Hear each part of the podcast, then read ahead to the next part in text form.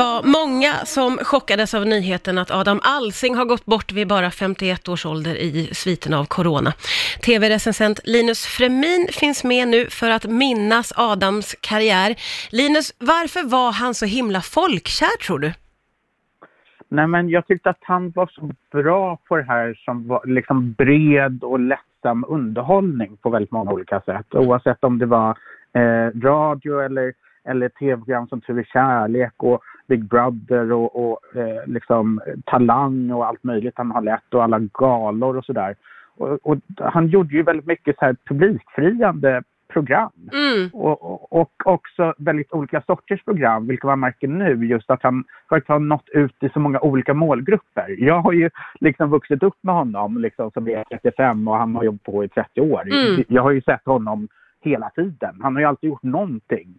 Eh, och jag tror att det är därför det liksom kommer in så mycket hyllningar och att folk blir chockade att han har varit som en sådär konstant i våra liv i 30 år. Ja, verkligen. Han han har betytt mycket för många, det, det märker man ju. Hur viktig skulle du säga att han har varit för den kommersiella tvn och radion i Sverige?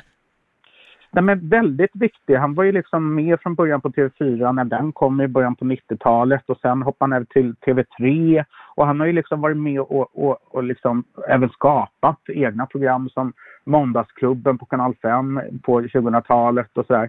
Eh, och sen så har han ju hållit på med radio och morgonradio i Mm. ja, 20 år tror jag. Och varit liksom på Mix Megapol och Riks och, och Energy var det väl senast. Mm. Och, så att han har ju liksom varit jag tycker en av hans styrkor var ju att han var ju väldigt intelligent Ja. men också väldigt varm och, och kunde ta människor på ett väldigt bra sätt.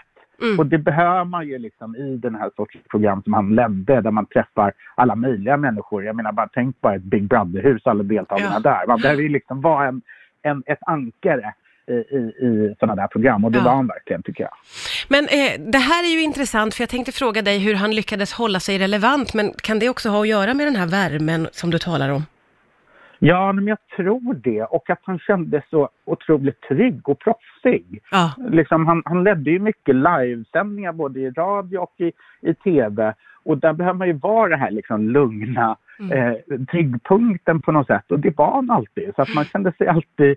Det kunde aldrig balla ur liksom, Nej. kändes som. Oavsett vad det var för, för sändning. Och, så att jag tror att det var mycket det. Och sen att han hela tiden har jobbat väldigt mycket. Han Mm. har ju liksom alltid varit på tv och radio i, i 30 år. ja. Så att, så att man har ju aldrig missat honom liksom.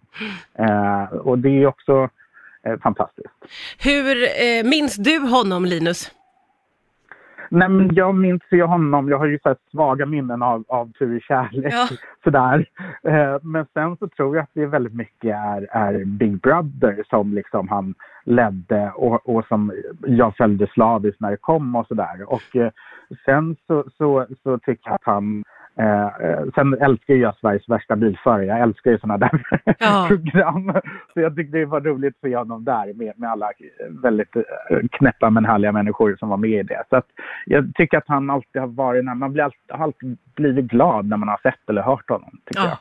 ja. Han kommer definitivt att lämna ett oerhört stort tomrum efter sig. Tusen tack Linus Fremin för att du var med och mindes Adam Alsing här.